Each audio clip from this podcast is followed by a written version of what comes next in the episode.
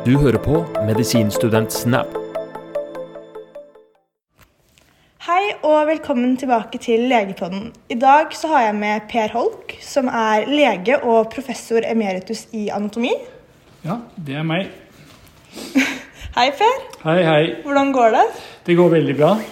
Det er eh, egentlig ganske hyggelig å være pensjonist også, som er et annet navn på emeritus. Ja. Eh, Emeritus det er jo egentlig et latinsk uttrykk som betyr at man er ute av merittene. Man gjør altså ingen verdens ting lenger. Så eh, Så det er det en professor emeritus er. En pensjonert professor? det er en pensjonert professor som egentlig ikke gjør så veldig mye lenger. Ja, det er sant. Skjønner, skjønner. Så hvordan har dagen din vært i dag? Dagen har vært uh, aldeles utmerket. Jeg har prøvd å uh, lage noen trykk uh, på kopimaskinen, som selvfølgelig var ute av drift. Og, men det er jo det vanlige her i huset, egentlig. Ja, hva er det du skulle gjøre med de?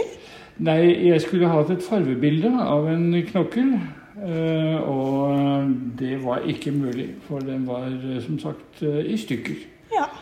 Men det er kanskje ikke så rart når den brukes eh, av så mange i huset. Det, er, ja, det kan du si. Ja. Greit, så du er jo en ganske kjent person her ved Universitetet i Oslo. I hvert fall blant medisinstudentene på første og andre året. Ja vel? Ja, Selv om vi ikke har deg som underviser, så hver gang vi f.eks. googler noe medisinsk vi lurer på, så går vi inn på Store norske leksikon, og så scroller vi litt nedover og ser at forfatteren som oftest er deg. Ja. Så å si kanskje syv av ti ganger. Det er veldig hyggelig å høre at dere eh, leser noe av det jeg har skrevet.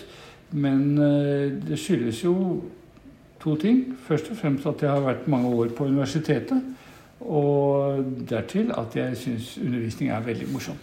Ja. Jeg eh, elsker studentene, og det å undervise det er noe av det hyggeligste jeg har gjort i hele min karriere. Og Derfor syns jeg det er litt trist at jeg ikke lenger får lov å gjøre det.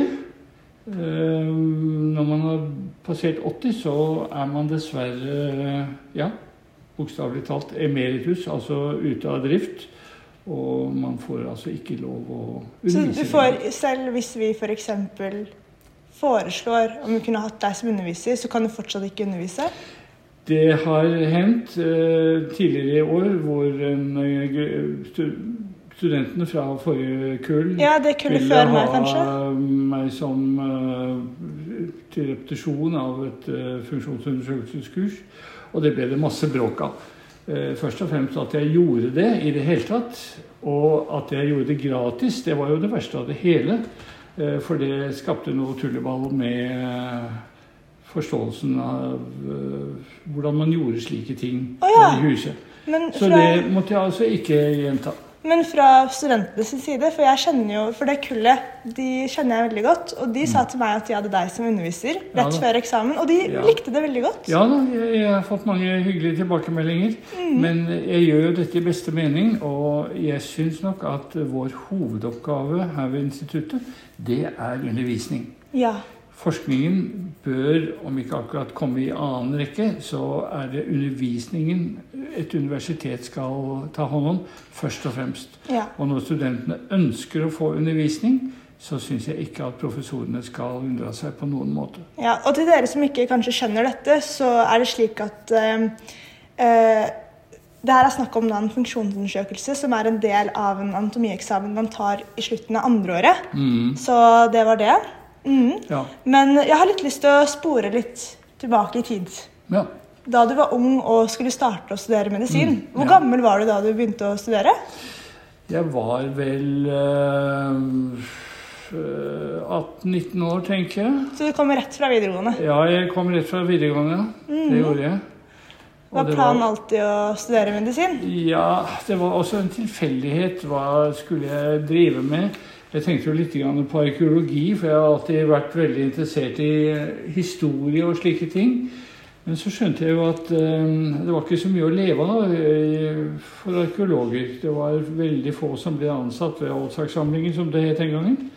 Og eh, man måtte jo kunne brødfø seg selv på en eller annen måte. Så jeg måtte finne noe annet da å, å ta meg til med. Men jeg drev veldig mye med hundekjøring i gamle dager. I riktig gamle dager, dvs. Si også i 60, 50- og 60-årene. Så hadde man ikke snøscooter og helikopter og sånt noe. Da brukte man hundespann i Nordmarka. Og hentet folk som hadde falt og brukket bein og sånne ting. Og han som var min spannfører, som leder for spannet den gang, han var medisinstudent. Og han øh, viste meg så mye at jeg fattet interesse for det. Og det var egentlig han som foreslo at jeg skulle begynne å studere medisin. Skjønner. Hvor er det du studerte? Jeg studerte i Heidelberg i Tyskland. Jeg var dessverre ikke flink nok i nynorsk, så Var det derfor? artiumen ble ikke helt sånn som jeg hadde tenkt. Så jeg måtte nok eh, dra utenlands. Det ble ikke S til artium. Er S en sekser? Fordi vi har en karakterskala fra Ja, det var eh, bare bokstaver den gangen. men Ah, okay. ok. Ja, da. Så um, da måtte jeg eh, se meg om. Men jeg syns ikke jeg har tapt noe på det. For det første har jeg fått uh, studere ved um, et av Europas uh, virkelig store universiteter. Det er faktisk Tysklands eldste universitet. Ble opprettet i 1386. Og så har jeg fått veldig mye språkkunnskaper om, i tysk. Og forstår tysk kultur ganske godt. Og så har jeg fått meg en tysk kone med på kjøpet. Ah, skjønner, skjønner. Så det var bare fordeler alt sammen. Bare fordeler. Ja, ja, ja. Hvordan var studietida i Tyskland? Jeg syns nok at det var veldig mye gammeldags uh, retninger der. Vi måtte f.eks. studere zoologi og botanikk.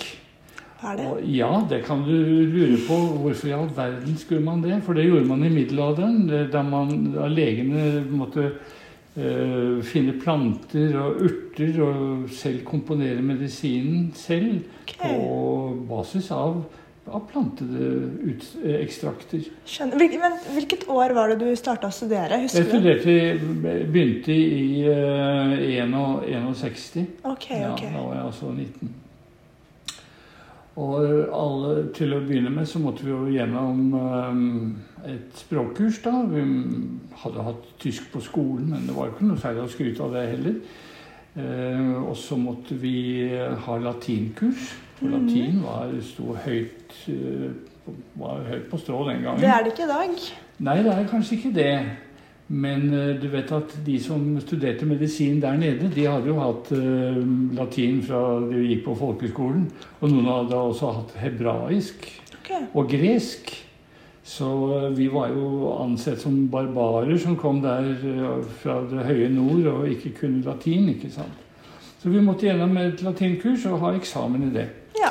Så vi begynte egentlig med medisinstudiet da først året etter, altså i 62. Mm, Ja. skjønner. Mm. Hvordan var eh, kjønnsfordelinga? Det var nok eh, omvendt av hva det er i dag. Ja. Det var mest gutter. Mm. Men så var det noen jenter da, som eh, var med også. Var kona di en av dem? Nei, hun var ikke der. Ok. Nei, henne traff jeg også helt på slutten. Så okay. hun drev med helt andre ting. Hva er det hun drev med? Hun var et eh, elektronikkfirma. Ah, ok, Ja da. skjønner. Ja, da. Greit. Hvordan vil du si studiet var bygd opp sammenlignet med hvordan det er i dag? Er det ganske likt, vil du si? På mange måter var det det, men eh, her er det veldig ordnede forhold. Det var det ikke der nede. Eh, da jeg studerte i Tyskland, så kunne alle komme inn. Og det betød at ikke alle kursene kunne eh, besettes. Altså det, Kursene var fulle, rett og slett. Okay. Så vi måtte ofte trekke lodd for å komme inn på kursene. Oi. Og det resulterte i at man ofte mistet et, et semester. Hvis Ja. man var uheldig med loddtrekningen. Men i dag er jo hos oss iallfall alt eh, tilrettelagt, slik at studentene kan avslutte studiet til en mer tid. Mm. Nei, nå er det jo ganske strengt, opptakskravene er jo Ja, ganske høye. ja det er ganske høye. Er Mm. Var opptakskravene i Norge også ganske høye i den tida? Ja, det var jo derfor jeg måtte til Tyskland. Ja, ok, så det var- Det var eh, Ja, fordi de sa til oss første skoledag dere er kremen av kremen. Var det da og de sa det? Ja, det var vel det. Greit. Hvordan var stu, liksom, studiemiljøet og sånt? Var det rom for samarbeid, eller var det veldig mye sånn 'jeg må gjøre mitt'? Nå var jo vi veldig mange nordmenn eh, i Heidelberg den gangen. Eh, vi var faktisk eh, hele 150 stykker det året jeg begynte. Men det var også tannmedisinere og et par teologer var vel innimellom der også. Men de aller fleste var medisinere da. Og vi holdt oss veldig mye for oss selv. Ja. Eh, dessverre, får vi si. Um, men um, sånn var det nå en gang. Vi syns ofte at uh, tyskerne var veldig uh, pirkete og nøye og uh, grundige. Uh, tysk grundlichkeit, det er, det er jo noe som man snakker om den dag i dag. Skjønner, skjønner. Ja. Hvordan var du som student? Jeg var nok eh, sånn midt på treet, vil jeg tro. For det ble jo av og til litt grann festing, da. Vi, måtte jo, eh, vi hadde jo sånn ølkneipe som var liksom vårt stamlokale. Og det ble jo en del turer dit. Det er så gøy å høre dette, fordi vi har jo et annet inntrykk av deg. I hvert fall når det gjelder eksamen.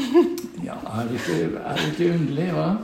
At man kan forandre seg så mye. Men eh, nei da, jeg var ikke eh, mors beste barn bestandig. Eh, Jeg gjorde så godt jeg kunne, men av og til så måtte vi ha en liten utblåsning.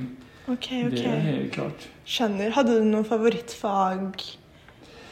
Ja, det var ortopedi og patologi som uh, sto meg nærmest, og anatomien uh, syns jeg kanskje ikke var så veldig spennende. Ok. Eh, det var eh, kjedelig undervisning. Og eh, det var jo en helt annen disiplin der den gang. Hvordan det er i dag, vet jeg jo ikke. Men eh, den gang var det veldig strengt. Altså ingen måtte komme for sent til forelesningene, f.eks. Ok. Og da var alt rigget til med lysbilder, og det var assistenter på overalt. Så når proffen kom inn og skulle begynne, da var det å starte opp, altså. Og øh, hvis man hadde sagt du til ham, eller brukt fornavnet sånn som vi gjør i dag, så hadde man antagelig blitt utvist. Det var veldig, veldig strengt på alle måter. Mm. Så øh, disse kursene vi hadde, det var en veldig distanse til, til lærerstaben. Ok. Eh, Så vi hadde egentlig lite Vi turte ikke å stille spørsmål og sånne ting. For da var vi dumme, selvfølgelig. Okay. Så det turte vi ikke. Så det var mye sånn vi gikk glipp av um, i selve undervisningen. Skjønner. Nei, men Hadde dere disseksjoner og sånt? Det hadde dere vel? Vi hadde disseksjon, ja da. Men det var gamle, dårlige saker. Vi startet ikke med friske lik, sånn som vi gjør i dag. Okay. Men uh, dette var ting som var brukt om igjen og om igjen. om igjen. Okay. Så det var mer til å se på enn å kunne dissekere selv. Mm. Så jeg syns ikke jeg lærte eh, noe særlig anatomi i det hele tatt. Og jeg likte egentlig ikke faget, for det ga meg ingenting. Eh, masse vanskelige navn som skulle huskes og, og sånt noe. Men eh, etter hvert så har jeg jo skjønt at eh, det er liksom basisfaget i medisin i det hele tatt. Mm. Uten anatomi så kan man vanskelig bli, bli lege. Og når man liksom går i detaljer der og kanskje ser også det historiske i anatomien, så får man straks eh, en større interesse for det. For jeg syns jeg kobler min historiske interesse og min interesse for medisin eh, ganske godt sammen. Hvordan er det du gjør det? Ja, at jeg f.eks. går litt grann i dypet med hensyn til um, hvordan har et navn kommet opp? Hva trodde man om det organet tidligere osv.? Jeg, jeg ser, prøver da å se linjene i eh, forståelsen av et organ og et organs funksjon gjennom historien. Mm. Og så begynte jeg jo med skjelettene mine, da, som jo har vært eh, hovedsaken i eh, alle disse årene. At jeg hadde sommerjobb, og da prøvde jeg å holde meg til mine historiske interesser. Og så fikk jeg assistentjobb hos eh, en arkeolog som holdt på med utgraving av Mariakirken. Det var Øya-festivalen har vært Når var tidligere. dette? Det var tidlig i 60-årene, det også. Okay. Et, da hadde jeg studert et år eller to. Mm. Så begynte jeg, måtte, jeg kunne jo ingenting, så jeg kunne jo ikke begynne på sykehus eller noe sånt noe. Men eh, da fikk jeg jobb som eh, utgravningsassistent da, nede på Mariakirken, hvor Øyafestivalen er i dag. Okay. Eller har vært, da. Og da kunne jeg eh, ta opp skjeletter, for da kom professor Torgersen, som var sjef på Anatomisk institutt den gangen. Han kom, og så hørte han at det var en eh, medisinstudent som holdt på å jobbe der nede. Og så sa han at dette er en fin jobb for deg, nå kan du ta opp skjelettene. Og så viste han meg hvordan jeg kunne se forskjell på menn og kvinner, f.eks., og beregne alderen og den slags. Så Så du på bekkenet, da? da du så på ja, det er også bekkenet du kan se det på, men du kan se det på veldig mange deler av skjelettet. Oi, Ja. ok, det, det visste jeg ikke. Jo da. Men ikke alltid. Okay. Det er enkelte vi ikke kan eh, bestemme kjønnet på i det hele tatt. Ja. Ok, ok.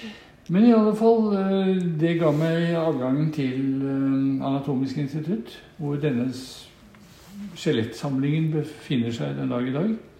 Også kalt de skreinerske samlinger etter professor Kristian Emil Skreiner, som bestyrte denne her eh, mellomkrigsårene. Og jeg syns det har vært fascinerende, så veldig mange av mine arbeider har jo sin basis i studier av disse skjelettene. Men samtidig er det å øh, analysere skjeletter Det er jo ikke bare noe som anatomene er interessert i, og arkeologene fremfor alt. Arkeologene var jo kunder hos oss, for det var de som leverte materiale fra Mm. utgravninger. Og de ville selvfølgelig vite er dette menn og kvinner. De kunne da se hvor på kirkegården har de ligget, disse her. Altså, disse skjelettene de forteller veldig mye om fortidens mennesker.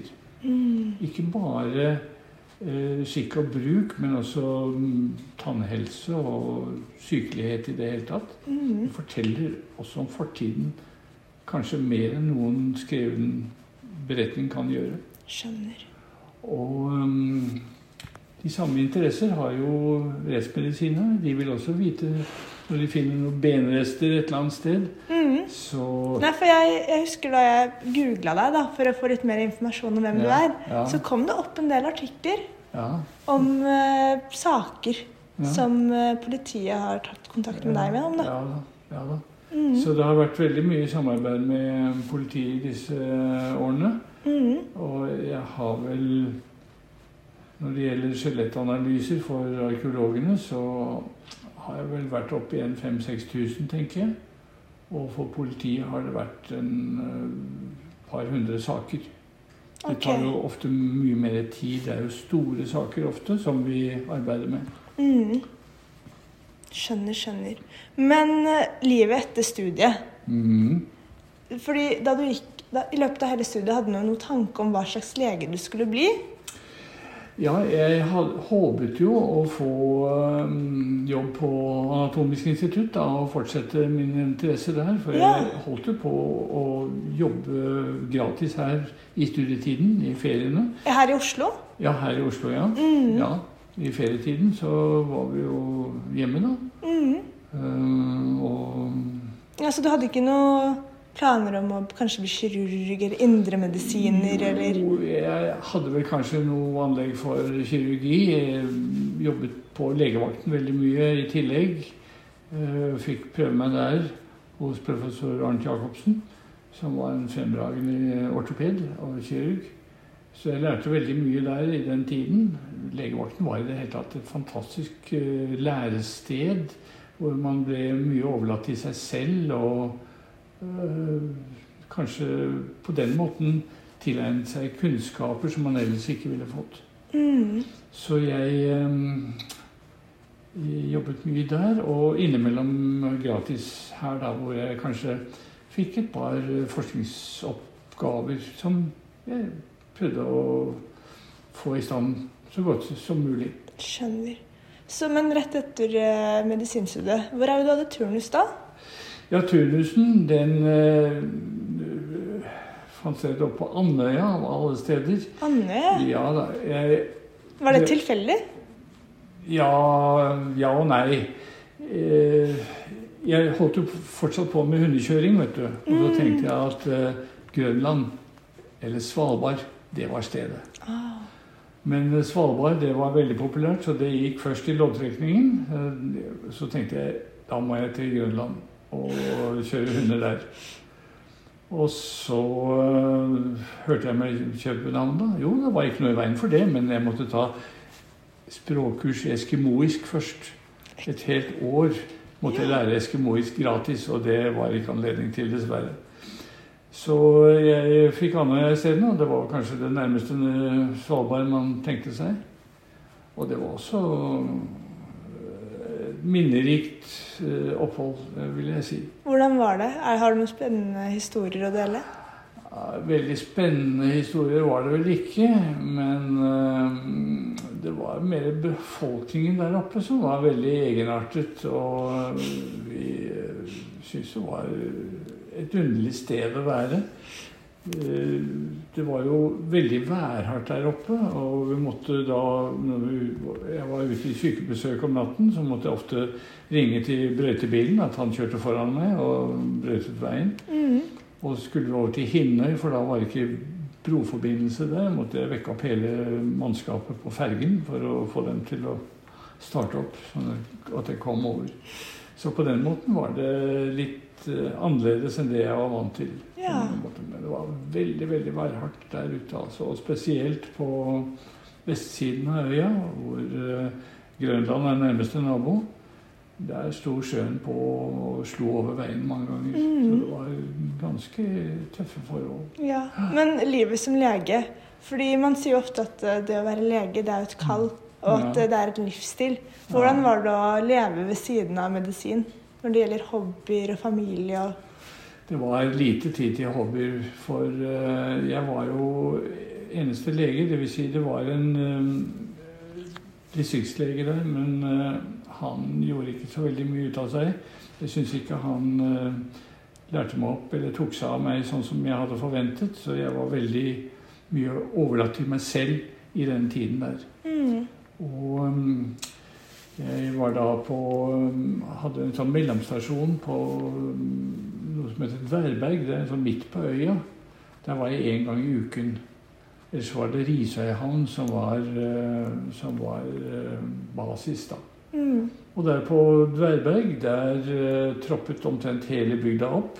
Hadde med seg matpakke og hadde pyntet seg og hadde sånn sosialt samvær. Og så tok de bussen hjem om ettermiddagen, enten de, enten de feilte noe eller ikke. Og så hadde vi eh, dette med Altså mørketid, eh, den var vi vant til fra Oslo også, men eh, når det ble vår og sommer, da kom midnattssola, og den var mer plagsom enn mørketiden, altså. Ok. Eh, Du ante jo nesten ikke hva slags tid på døgnet det var. Og eh, befolkningen var jo også helt døgnville. Og da hendte det av og til at de banket på døren sånn ved tretiden om natten og lurte på om ikke Lerken hadde sprit å selge. Ok. Så um, de, de var ganske frilynte der oppe, det må jeg si. Men eh, du, tok du med eh, kona di da? Ja, hun var med, stakkar, og hun kunne jo nesten ikke norsk i det hele tatt. Men eh, hun gjorde så godt hun kunne. Mm. Og eh, hun hun, klarte å holde huset i orden. Men hun var jo veldig mye alene, da, for jeg var jo ute på jobb om dagen. Og så var jo sykebesøk nesten hver eneste natt, så det ble veldig mye ensomhet for henne. Mm. Så av og til hadde jeg med henne, og at hun kanskje kunne være assistent for meg på kontoret og sånne ting. Så hun fikk en slags eh, opplæring der og trivdes med det. Ok, ok. Ja. Skjønner, skjønner. Men hva med andre ting som barn og sånt? Var det alltid sånn, det å ha familie og sånt ved siden av jobben, var det viktig for Nei, deg? det, vi hadde ikke barn da. Dere hadde ikke barn?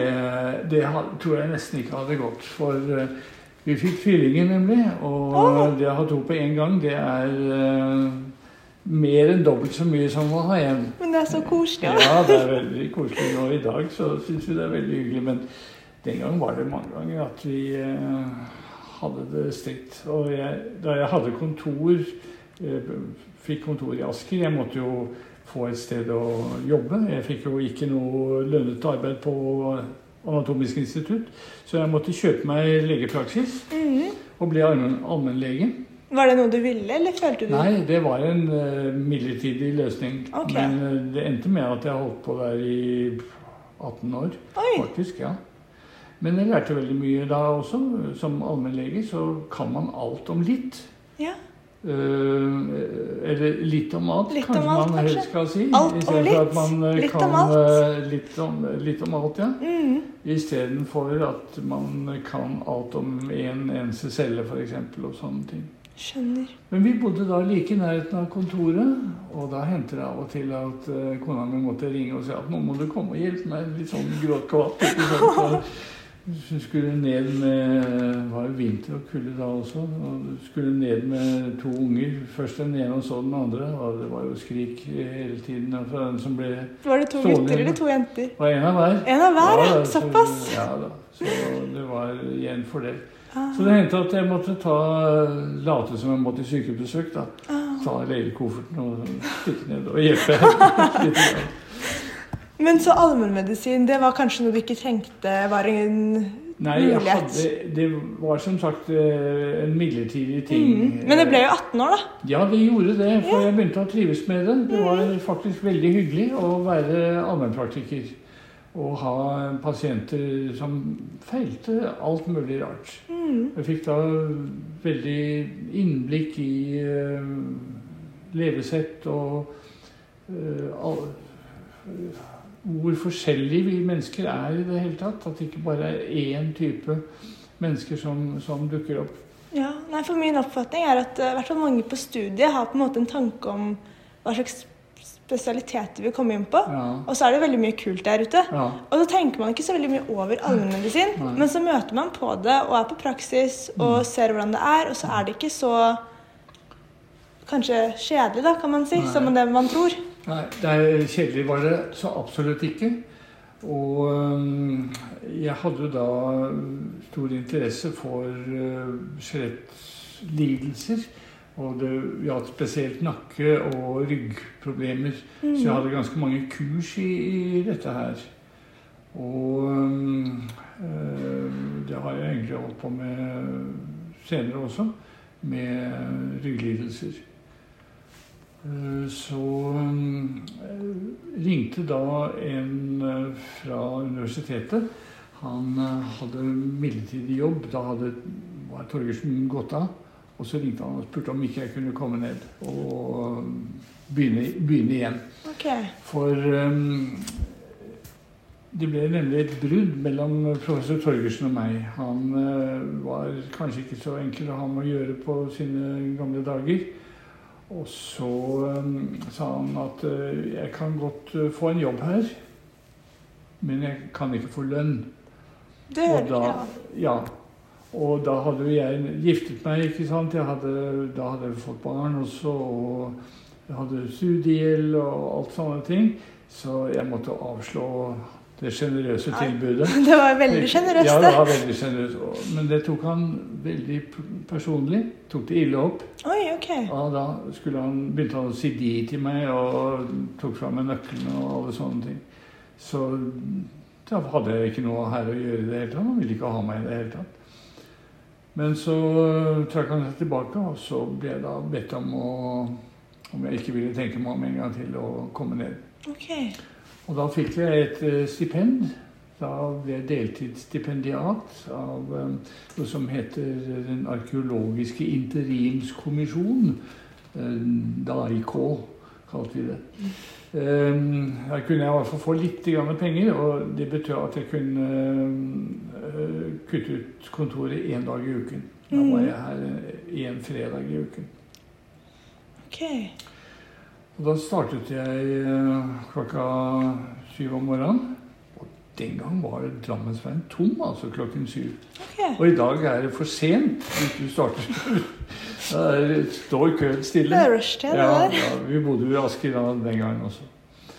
Så um, det var eh, litt spesielt. Men da fikk jeg iallfall muligheten til å drive forskning, og kunne også ta imot materiale som kom fra arkeologene som hadde drevet utgravninger. Ok. Ja. Og kunne levere en eh, rapport som en gjenytelse. Det var en sånn eh, gentleman's agreement at eh, vi mottok materiale mot at arkeologene fikk gratis rapporter. Ok, ok. Ja. Skjønner. Men hadde du i løpet av karrieren eh, jobba på noe sykehus? Ja da. Jeg jobbet jo i feriene jobbet jeg jo på legevakten hele tiden. Ok. Ja. Mm. Og så da, vi, da jeg begynte å studere Det var en fin ordning der i Tyskland. Da måtte vi være på sykehus Jeg husker ikke vel hvor lenge. Jeg tror det var to eller tre måneder. Måtte vi ha sykehustjeneste. Ok. Helt i starten.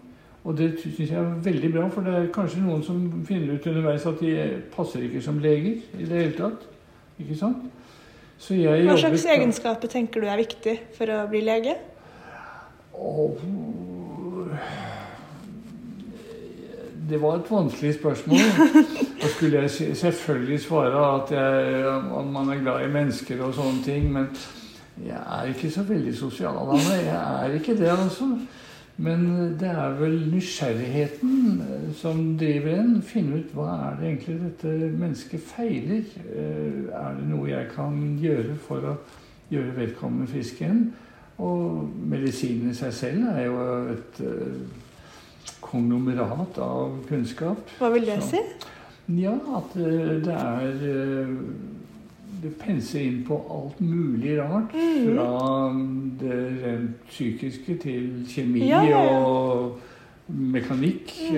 eh, Slike ting. ikke sant? Nei, for Jeg leser jo ofte sånne artikler på aviser og sånn at eh, Ja, vi må senke ned kravene fordi det blir for, eh, for spist, og vi kan ikke bare ha én type lege her i Norge. Men jeg føler egentlig at i hvert fall her i Oslo så er det veldig Mm. mange forskjellige typer mennesker, selv om alle har den Veldig. egenskapen Ja, at de har hatt gode karakterer. ja, veldig. Det er klart. Mm. Men iallfall, jeg jobbet da på um, syvende avdeling på Ullevål. Og det var uh, også veldig uh, interessant på mange måter, men kanskje ikke så lærerikt som jeg hadde trodd. Vet du, Visitten den gangen, da var det proffen som kom først, og så var det oversøster, og så var det en lang hale med assistentlege, og så var det Stud Med Holk da på helt bakerst. Og pasientene Det var jo ikke noe privatliv eller noe sånt noe. Det var store sånne 50-mannssaler man hadde den gangen. Eh, og pasientene de ble jo undersøkt der og da. Det var bare oversøster som fikk lov å holde pasienten og ta opp skjorta osv. Og, jeg som egentlig hadde trengt å se litt og lære litt, sto jo helt i, i bakgrunnen. Ja. Så sånn var det ikke så veldig, veldig smart. Nei. Det skjønner jeg veldig godt. Så det var eh, legevakten som var eh, stedet. Mm. Og så måtte vi ha psykiatripraksis. Det var også en del av studiet der nede. Okay. Så jeg havnet på sjette avdeling her oppe på Gaustad. Og det var en skremmende opplevelse. Jeg synes, eh, jeg fant iallfall ut at psykiater skulle jeg iallfall ikke bli. Det er okay. helt sikkert. For jeg syns at dette her var en, en lek med menneskesinnet i det hele tatt. Det var altfor mye eksperimentering og sånne ting. Jeg husker at man hadde en sånn eh, depresjonsdag hvor pasientene satt i en krets og ble provosert, så de endte opp med å sitte og skrikhyle alle sammen. Oi! Det er jo ikke akkurat eh, sånn som man tenker seg. Jeg tror ikke det skjer i dag. Jeg håper ikke det er sånn i dag. Nei, jeg håper Men ikke sånn det var det den gangen. Og jeg har iallfall holdt meg langt unna psykiatri i ettertid. En depresjonsdag. Ja. Ok. ja. Hadde de andre type dager òg? det hadde de sikkert. Schizofrenidag. Det, det husker jeg nærmere ikke. Men jeg kom meg iallfall gjennom den der eh, praksisen. Altså, psykiatri det strøk du av med en gang i løpet av Ja, studiet. Ja, den var ikke på listen over eh, ønskede Nei, Det skjønner jeg veldig godt. Men en ting jeg glemte å spørre om angående studietida, var at eh, når det gjelder venner og sånt, fikk du venner for livet? Ja, jeg har jo studiekamerater. Mhm. ja, Som også min gamle studiekamerat Ole Jørgen Moe, som, blitt, som ble barnelege. Ja, Han har jeg fortsatt eh, kontakt med. Okay. Og vi traff hverandre allerede i 62 og har vel holdt sammen siden. Og det er koselig. I tykt og tynt. Mm. Særlig tynne. Jeg husker en gang vi ikke hadde penger til mat. og Da hadde vi skrapt sammen eh, våre siste skillinger, og da levde vi på kokt ris og tomatketchup en uke, tror jeg. Var det i studietida? Det var i studietiden, ja. ja. Det- Etter studietiden gikk det litt bedre. Ja, det kan jeg se for meg. Ja, det høres litt Ja, Det det Litt sånn det er i Sånn studietida. er det. Ja. Mm. Vi har ikke vondt av det. Nei. Men når er det du begynte å jobbe her på Det anatomiske instituttet sånn fulltid? Ja, Fulltid, det, var øh, da jeg fikk amanuensisstilling etter å ha tatt doktorgraden. Førsteamanuensis? Ja, ja okay. først, eh, først vanlig amanuensis, og så var det opprykk til første amanuensis. Og det var fra 88. Mm. Eh, doktorgraden tok jeg i januar i 87. Og så var det opprykk til eh, professorstilling i Når var det, da? 96, tror jeg. Noe sånt noe. Mm. Husker ikke helt. Ja, hvordan var det? Å jobbe Ja, det var veldig her? hyggelig. Ja, du likte det? Veldig hyggelig, ja. Det er mm. klart det. Men altså arbeidsmessig var det ikke noe øh, forskjell. Nei. Eh, Nei. Det var øh, undervisning og forskning på samme måte. Mm. Og så har jeg prøvd å drive formidling, for det er også en del av, av lærerstabens plikter. Eh, at man eh, har eh, Skriver litt i avisen og kanskje har litt eh, utstillinger og sånne ting. Mm. Som eh, gjør at folk kan forstå hva man driver med. Ok. Men dessverre har dette blitt så hemmeliggjort at man ikke skal uh, verken snakke om det eller vise det frem. Eller Og hvorfor det? Ja, det er nettopp det jeg lurer på også. At uh, bl.a. denne samlingen her skal være lukket for allmennheten. Hvilken samling? Denne skjelettsamlingen som vi har her, det vi kaller de skreinerske samlinger. Diskrein, hva er det? Ja, det er um, alle de skjelettene som har kommet uh, inn til Anatomisk institutt helt fra midten av uh, 1800-tallet Okay. og uh, frem til i dag. Uh, De er fremkommet gjennom arkeologiske utgravninger. Mm. Og spesielt der hvor det har vært middelalderkirkegårder som sto i fare for å bli ødelagt ved veibygging og jernbanebygging mm. og tunneler og sånne saker. Men hvorfor får vi ikke Eller hvorfor får ikke du forsket på dem? Ja, eh, forskning eh, Man kan forske på det, ja. Men eh, det kreves jo at forskningen er seriøs på alle måter. Mm. At forskeren skriver en søknad mm. for å komme hit.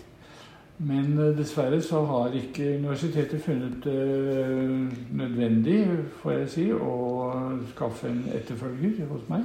Mm. Så samlingen bare står her, og det syns jeg er helt meningsløst at det ikke skal være en eh, som driver med dette faget, det vi kaller bioantropologi, som jo har vært eh, nyttig både for arkeologer og ikke minst for politi og rettsmedisinere. Mm. Så um, ledelsen har dessverre ikke um, bitt seg merke i at det har kommet inn brev fra bl.a. politiet, hvor de sterkt oppfordrer til å skape en kontinuitet i uh, stillingen her. Ja, men det, skjønner, det er jo viktig, det òg. Det mener jeg det er uh, også det Unnskyld. Det eldste forskningsområdet, medisinske forskningsområdet vi har i Norge. Mm. Det er nettopp forskningen på dette her. Og at vi ikke driver med det samme i dag som vi gjorde på 1800-tallet, det tror jeg de fleste fagretninger vil eh, ha forståelse for. Ja, ikke sant. Ikke tenk f.eks. på mm, nevrokirurgien med, med eh, inngrep i hjernen og sånne ting, Mm. som man gjorde den gangen. Men eh, i dag, så, hvor vi har DNA og så mange muligheter til å skaffe oss kunnskap om fortidens mennesker som Mm. vi ikke kunne tenke oss var eh, aktuelt den gangen, det må jo benyttes på en bedre måte. Det syns jeg jo. Ja. Mm, ja. Men når du, du snakka litt om det med skjelett og sånt, hvordan man finner ut av ting. Har Ja. du lyst til å gå litt mer inn på det? Som hvordan man f.eks. finner ut eh, forskjellene på mann og kvinne? Det er jo visse trekk ved, skjelettet som eh, er Jeg vil ikke si spesifikt for mannen, for det er det ikke, men som er mer eh, typisk for mannen. Um, For for bekkenet eksempel, så er det jo Man vet at det er mer romsligere for kvinner, og ja, men vinkelen ja, er litt så. Hvis du finner bare en bekkenhalvdel, Ja. så er det ikke så lett å si hvor romslig det bekkenet har vært. mm. Men da har du f.eks. den store inns, eh, innsparingen, altså incisura ischiadica major, som jo er åpen og vid hos kvinner, mens den er ganske smal hos menn. Mm. Og promotorium stikker jo litt mer ut, kanskje. Ja, Men det vel, eh, kan du si også, men det, når du har i- bare én bekkenhalvdel, så er det ofte veldig vanskelig. Mm. Men så ser du også på skalen at mannen har eh, litt mer fremstående øyebrynsbuer. Okay. De buler liksom litt mer ut. Og så har mannen en mer rett og skrå panne, mens kvinnen har en eh, buet panne. Okay. Ja. Hvis du ser to levende mennesker, så ser du det veldig godt. Hvis du ser en mann og kvinne mot, mot hverandre, så ser du dette veldig, veldig tydelig. ok. Ja. Det skal jeg huske. Men det er overgangsformer, Mm. Det er jo individuelle variasjoner. Ja, og mannen har dessuten eh, litt mer sånne avrunde øyebrynsbuer, eh, eller øyehulebuer. Mm. Um, Men når det gjelder sånn, for å knytte det opp mot rettsmedisin f.eks., Ja. hvordan er det du jobber da for å finne ut av ting? Så hva, hva slags type caser jobber du med da, egentlig? Det er anatomiske kunnskaper. Først og fremst må jeg vite nøyaktig hvor det dette kommer fra. Mm. Og har jeg et ribben, så kan jeg ikke nøyaktig si eh, om dette er eh, syvende eller åttende, f.eks. Og jeg kan heller ikke si om det er menn eller kvinner, men jeg kan si at det er et ribben. Ja. Og jeg kan da se om det er skade på ribbenet. F.eks. hvis det er et knivdrap, så ser man ofte at det er et uh, hakk i ribbenet Mm. som følge av det. Um, det jeg tok doktorgraden på, var jo brente ben. Okay. Og det var um, noe som veldig få hadde vært borti tidligere. Og der er det også veldig viktig å kunne gjenkjenne den anatomiske strukturen. Vite nøyaktig hvor dette kommer fra. Mm. Eh, Det fikk vi jo gjort bruk av da f.eks. under Scandinavian Star-ulykken. Hvor det var eh, nesten 100 som var så kraftig brent at det bare var småbiter igjen. Når var dette? Og det var i um, blå- tør jeg ikke si, men um, det var vel i slutten av uh, 1980-årene. Ok. Ja. Det var en ferger som brente, og um, veldig mange omkom. Ok, skjønner, skjønner. Det var litt kjipt. Mm. Nei, men eh, hva med familien din? Har de blitt litt inspirert av deg og din karriere? Nei, dessverre, de har nok ikke det. Eh, min sønn eh, skulle også tjene penger. Han syntes ikke den gamle faderens arbeidsinnsats var lønnsom nok, så han har blitt eiendomsmegler. Ok. Um, datteren har blitt um, lærer bor Kanskje litt likt da. Lærer og professor, det er jo Ja, det kan du si. mm, Ja da. er glad i å formidle. Ja. Så hun bor nå i nærheten av Ålesund. Mm, okay. De er som sagt tvillinger, men helt forskjellige. Både av utseende og av vesen. Så uh, det er ganske merkelig hvordan uh, sånt kan oppstå. Hva med barnebarna dine? Er de litt sånn Jeg har ikke så veldig mange. Jeg har to der også. De er litt trege av seg, disse barna mine. Um, den eldste er um, bor i nærheten av Kongsberg. Og uh, har nettopp fått en liten datter, så jeg er altså litt oldefar. Og det, da føler jeg meg skikkelig gammel. Det kan jeg love deg. Det er ille nok å være bestefar, men å bli oldefar, det er altså en skremmende opplevelse. Det kan jeg si deg. Ok. Men hun er velskapt og bare nydelig, så det er veldig hyggelig. Mm. Eh, sønnen, eller barnebarnet på sønnens side, han eh, er 15 år og eh, tenker vel på å tjene penger, han også. Han, han er ikke så veldig interessert i uh, medisinen. Man kan jo forandre mening, da. 15 år er jo veldig ungt. Det er, eh, det er en alder hvor veldig mye kan skje. Og han eh, Han eh, nettopp fått seg dame, da. Ja, men men det var hvis ikke så veldig lang varighet. Ellers eh, var vi sammen en uke.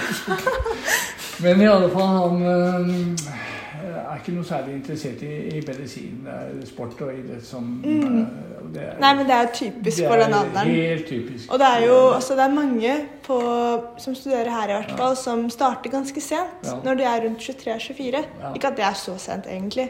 Men, eh, så man kan jo forandre mening sånn når man er 20 og tenker å, jeg vil bli lege. Jeg må også tilføye at sønnen har vel et par ganger gitt uttrykk for at han angrer litt på at han ikke ble medisiner. Ok. Det han litt. Um, han eh, har jo sett uh, alle mine oppdrag og hvor mye interessant jeg tross alt driver med. Mm. Så han angrer kanskje litt på det av og til. Nei, men vi starta jo med at jeg nevnte det med anatomi. At du var ganske kjent figur når det gjelder anatomifaget og eksamen her på Universitetet i Oslo. Mm. Har du noen tips til hvordan man burde jobbe med faget? Akkurat når det gjelder anatomi, så er det dessverre et puggefag.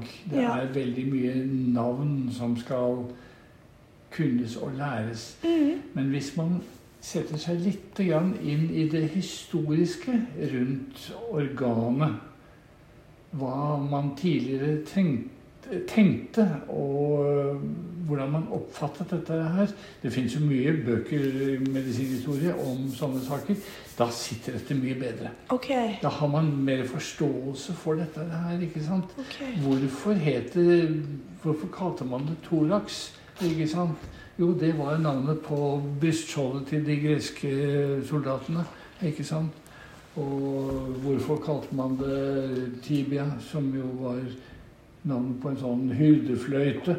Eh, Jeg har aldri hørt at hyrder spiller på fløyte, ja, men det er liksom det det kalles. da. Men hvis man ser på en tibia, så er jo munnstykket Maleolen er munnstykket, ikke sant? og så knepartiet er, er tuten.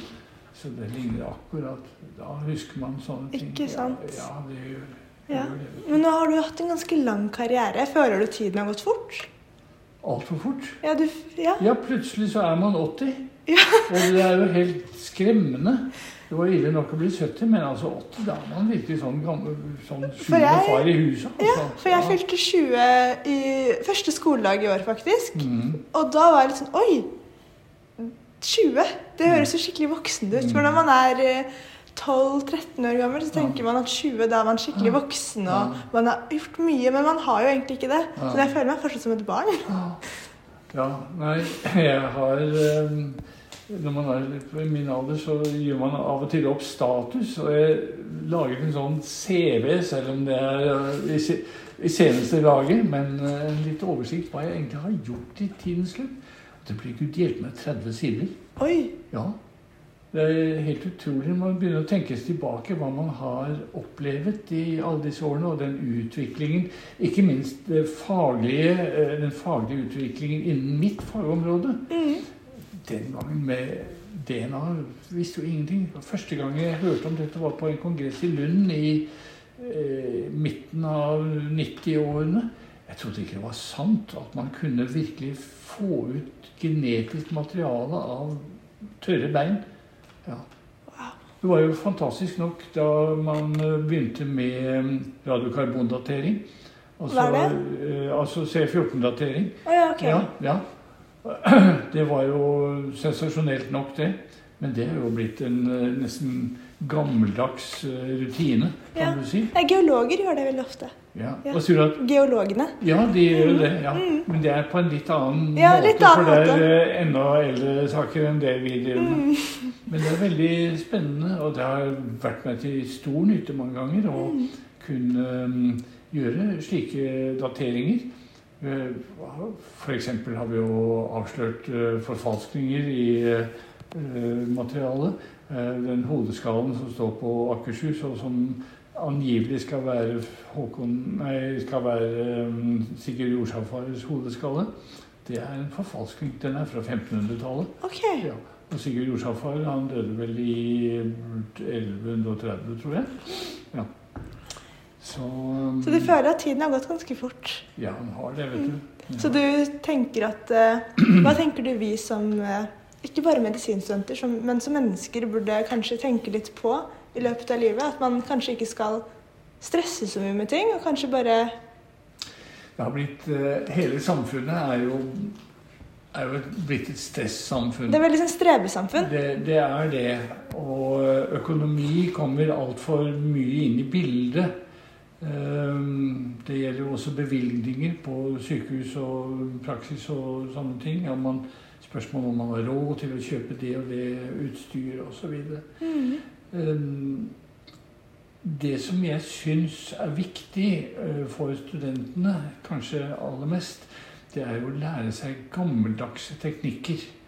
At man lærer seg håndgrep og undersøkelsesmetoder som var aktuelle gjerne i mellomkrigsårene.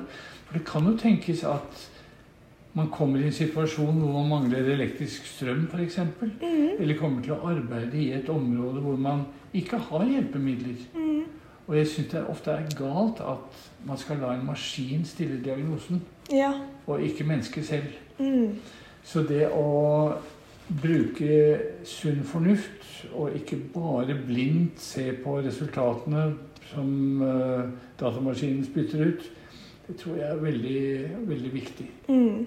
At man eh, ser det menneskelige i dette her også. Ja. Og ikke minst at man prøver å bevare empatien. At man eh, forstår at, hvordan dette mennesket har det. ja. Ja. Ikke sant.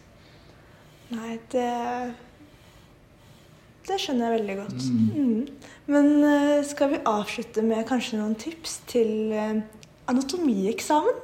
Til anatomieksamen da vil jeg bare si at uh, studentene skal tenke seg om to ganger før de svarer. Ja, ikke sant. Det er altfor ofte at nervøsiteten gjør at de plumper ut med ting som de aldri ville sagt ellers i en sånn situasjon. Mm. Nei, for til dere som ikke kanskje skjønner hva vi prater om, så er det slik at mot slutten av andre året så har man en muntlig anatomieksamen. Mm. Og eh, det er veldig mye nervøsitet Mm. eh, som eh, er knyttet til den eksamen, da. Mm. Men jeg vil jo si at studentene egentlig ikke er så veldig nervøse. I hvert fall ikke de jeg har sett. Nei, men Mange har klart å liksom holde roen.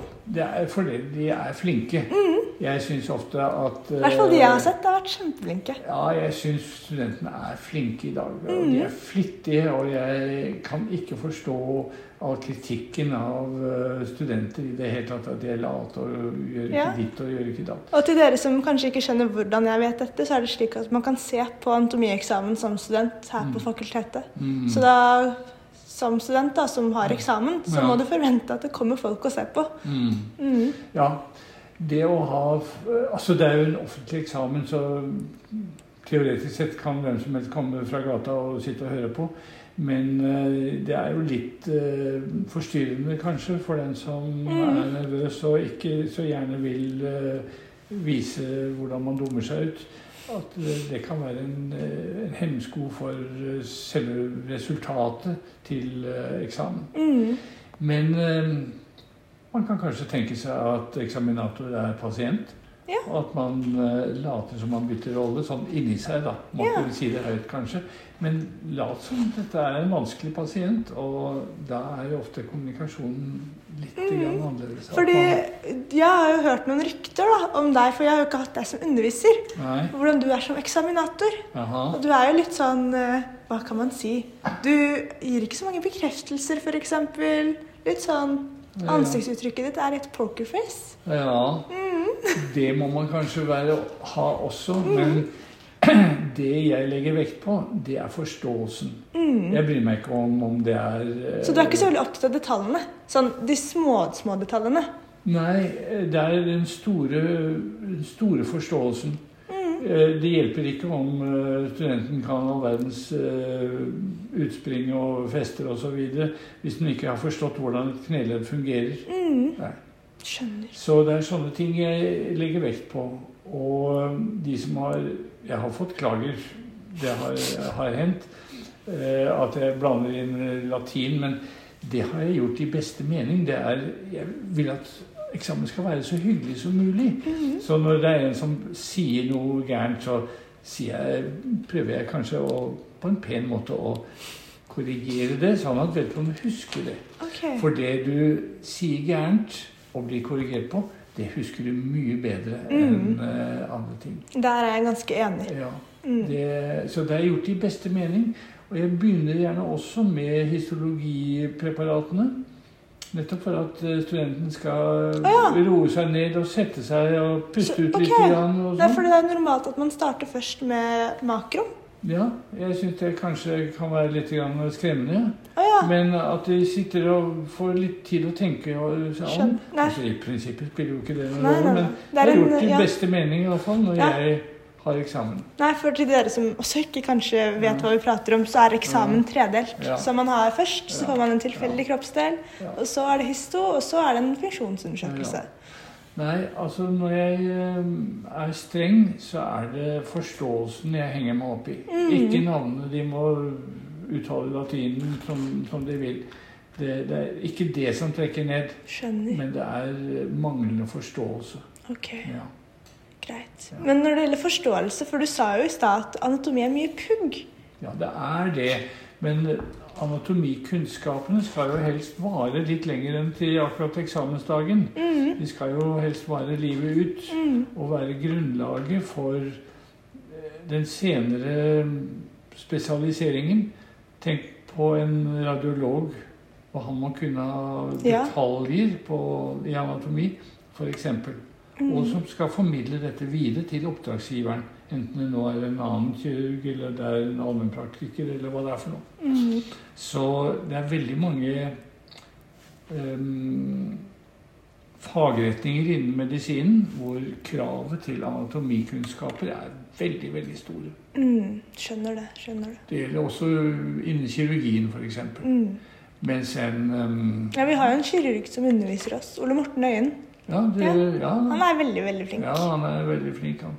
Mm. Han er eh, kirurg. Han holder jo kurs også, han, for allmennpraktikere. Mm, nei, han er ekstremt dyktig. Ja, han er veldig flink. Litt flittig òg, da, Så Han blir veldig skuffa hvis man ikke kan noe. Så han Sier ikke det seg selv, sier han. Mm. Det er sånn Nei, det gjør ikke det. Nei. Ja da. Nei, han er, han er god, han. Det er helt, helt klart. Så, men det er jo selvfølgelig andre grener innen medisinen hvor man kanskje ikke behøver å legge så mye vekt på anatomien. Sånn, men stort sett så er anatomien basis i medisinsk kunnskap og forståelse. Mm. Takk. Men da vet vi det. Så skal jeg ha det i bakhuet når jeg skal lese til eksamen. Det må du ha. Mm. Men det var veldig hyggelig å intervjue deg. Takk for at jeg kunne gjøre det. Det var veldig hyggelig å få prate med deg også. Mm, du var en uh, veldig fin person å intervjue. Og så må jeg si at uh, fortsett med det du gjør. Kanskje du kan undervise oss i FU før eksamen uten at det blir noe problem. Jeg håper inderlig det. Jeg ville gledet meg sånn Ja. hvis noen hadde spurt meg om jeg kunne tenke meg på vegne av kullet mitt så tror jeg vi gjerne vil det, faktisk. Det gleder jeg meg til, men da må alt være klarlagt på forhånd Ja. Eh, hos ledelsen. Jeg har jo intervjua Anne Spurkland, som skal eh, få inn et ord til henne og si at det burde gå. Ja. ja da. Det hadde vært veldig hyggelig om jeg kunne få lov til det. Nei, men da skal vi si ha det bra. Håper dere likte intervjuet. Takk for deg, Per. Takk til deg også. Greit. Ha det bra. Ha det. Du hører på Medisinstudent Snap.